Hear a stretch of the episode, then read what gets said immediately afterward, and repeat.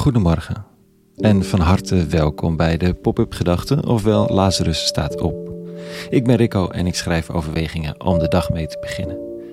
Vandaag met de titel Tussen denken en voelen. Pop-up Gedachten maandag 9 mei 2022. Vroeg in de ochtend bij het schrijven van deze overweging besef ik weer even hoe vaak er nogal wat licht zit tussen denken en voelen. Hoe we in staat zijn om mentaal dwars over onze emotionele levens heen te banjeren. Alle burn-outs zijn daarvan stille getuigen.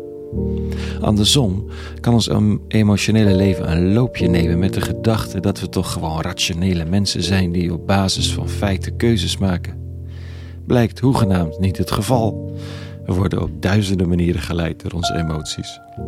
En fabriceren met regelmaat een rationeel verhaal om emotionele keuzes te legitimeren. Of dat nou persoonlijk is of nationaal. Kijk, er moet ook een rationele legitimatie zijn voor een oorlog. Maar of de oorlog daarmee rationeel of emotioneel gegrond is, valt te bezien. Er zit nogal wat licht tussen denken en voelen. En denken heeft in onze cultuur goed deels de overhand. Natuurlijk is er veel wantrouwen richting wetenschap geuit de afgelopen jaren, bijvoorbeeld als het gaat over corona.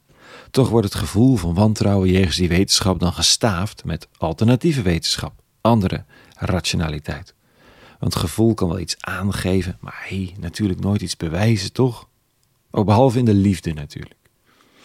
Want daar draait het om gevoel. En dus staan we daarin regelmatig onthand als het niet meer werkt. Dan is het gevoel voorbij en kan er misschien nog een relatietherapie vanaf, maar dat is dan ook een van de weinige tools.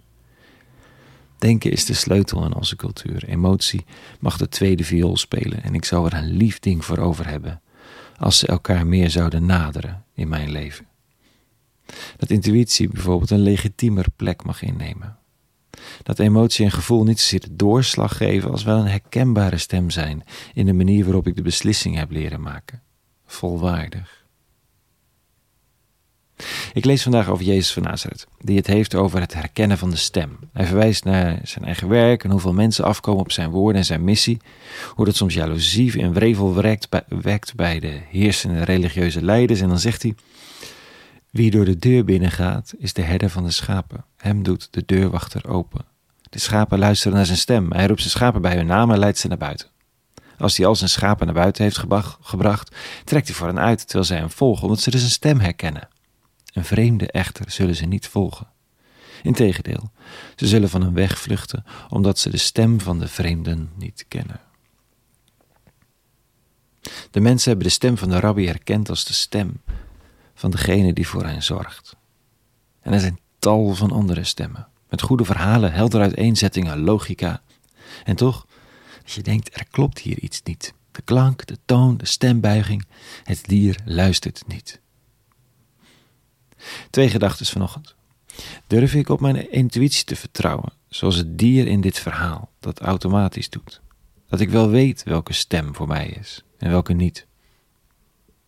Dat niet alleen reden en ratio en logica mij leiden, maar dat sommige stemmen gewoon niet voor mij zijn, omdat ik ze niet herken als voor mij en ze dus even links laat liggen en binnen blijf. Ook geen man overboord.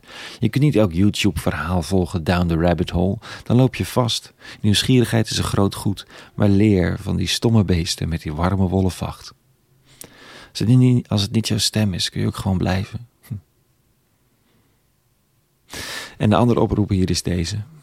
Wil je die mensen raken of iets tegen ze zeggen? Die mensen waar Jezus van Nazareth zich over heeft ontfermd? Daar moet je langs hem.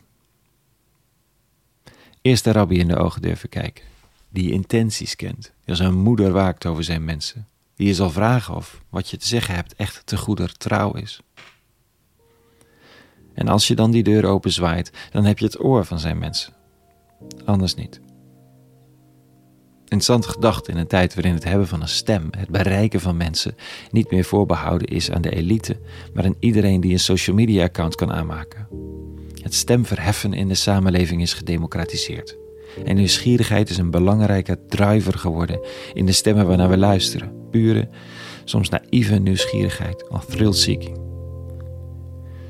Misschien maar weer eens leren van die plattelandsrabbi en zijn schapenverhalen. Zou ook wel eens rust kunnen geven. Tot zover vanochtend. een hele goede maandag gewenst. Morgen weer een nieuwe pop-up gedachte. En voor nu, vrede. Vrede. En alle goeds.